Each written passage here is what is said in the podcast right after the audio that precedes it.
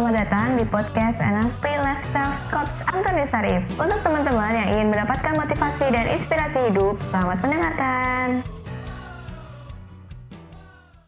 Halo, jumpa lagi bersama saya dengan Coach Antonius Arif dari NLP Leadership Indonesia. Saya adalah License Trainer of NLP langsung dari Dr. Richard Bandler dan saya bisa membantu Anda untuk belajar, memfasilitasi Anda untuk belajar NLP selama tujuh hari dan dapat lisensi langsung dari penciptanya, Dr. Richard Bandler. Hari ini kebetulan saya akan membahas satu topik yang lagi menarik dan kebetulan saya lagi ada di kelas dan saya akan mengajar hari ini, ini NLP angkatan 17 dan hari ini akan membahas tentang makna komunikasi didapat dari respon. Saya ulangi lagi, makna komunikasi dapat dari respon.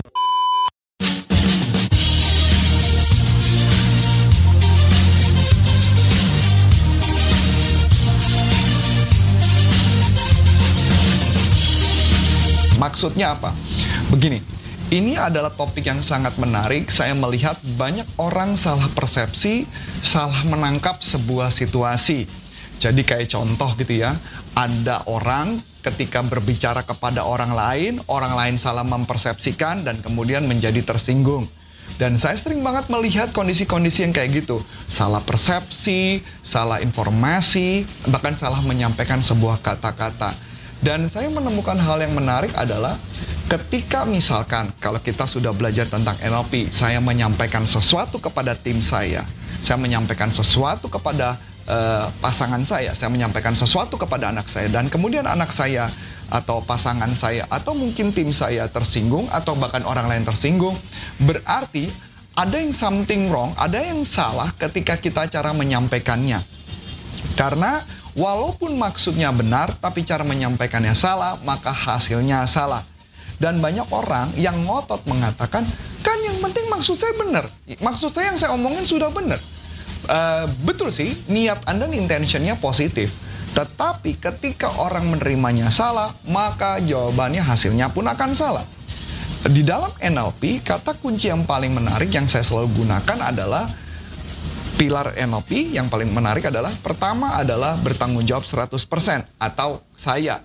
Jadi saya sendiri harus bertanggung jawab dulu 100% sama hidup saya. Yang kedua adalah outcome atau tujuan. Maksudnya gimana? Jika Anda punya tujuan untuk supaya mereka memahami sesuatu informasi, Anda harus menggunakan kata-kata yang tepat supaya orang tidak tersinggung. Saya ambil contoh yang paling sederhana. Waktu itu ada orang kebetulan uh, uh, ada orang atau tim saya gitu ya berbicara kepada orang lain dengan kalimat yang tidak jelas. Kebetulan orang tersebut ingin membeli uh, satu uh, buku gitu ya, membeli satu buku, dia sebut nama bukunya buku personal transformasi. Dan ternyata buku tersebut tidak ada karena sebenarnya salah ketik. Yang sebenarnya bukan buku tetapi adalah uh, video NLP personal transformasi. Nah, tetapi orang tersebut bilang, e, "Mbak, kok saya terimanya adalah uh, uh, bu apa terimanya DVD ya, bukan buku. Apakah ini salah kirim atau gimana?" Dan dijawabnya, maaf, uh, itu bukan buku, itu DVD. Dan kemudian informasinya nggak jelas. Dan akhirnya orang tersebut chatting kepada saya. Dan ini yang menarik, orang itu bisa salah persepsi karena kalimat informasi yang disampaikannya tidak jelas dan tidak clear. Dan itu yang terjadi banget pada banyak kehidupan kita, teman-teman. Banyak banget. Saya ambil contoh lagi ketika juga berbicara dengan pasangan. Ketika berbicara dengan pasangan, ketika cara menyampaikannya salah, hasilnya pun akan salah. Ya, misalkan contoh, kita mau bikin uh, atau kita bicara tentang uh, belajar ya tentang belajar. Nah ini sering banget saya gunakan. Ketika saya mau mengajarkan satu materi kepada uh, alumni saya, peserta saya, saya sering banget gitu ada materi yang menurut saya dalam NLP itu ada materi yang sangat berat. Yaitu salah satu yang menurut saya agak berat buat diterima orang adalah mengenai linguistiknya, bahasanya. Dan salah satu teknik adalah Milton Model yang uh, itu adalah teknik yang dipakai untuk meng, uh, menggunakan hipnotis, hipnosis awaken dengan mata terbuka dan hypnoselling. Dan sering banget saya menggunakan kata-katanya bukanlah dengan kalimat bahwa ini materi yang susah, tapi saya menggunakan kalimat dibungkus. Saya sering ngomong begini, Eh, teman-teman, uh, ini adalah materi yang paling excited, ini paling menarik dengan saya benar begini, excited dan paling menarik, dan ini adalah materi yang paling mudah. Dan ketika saya menjelaskan itu, mereka tuh jadi semangat. Oh iya, iya, iya, gimana, gimana, gimana. Dan mereka nunggu. Dan setelah saya ajarin, saya menemukan mereka hampir tidak ada kesulitan sama sekali ketika belajar. Dan setelah selesai saya belajar, ngajarkan, dan kemudian saya ngomong, ini adalah materi yang paling sulit.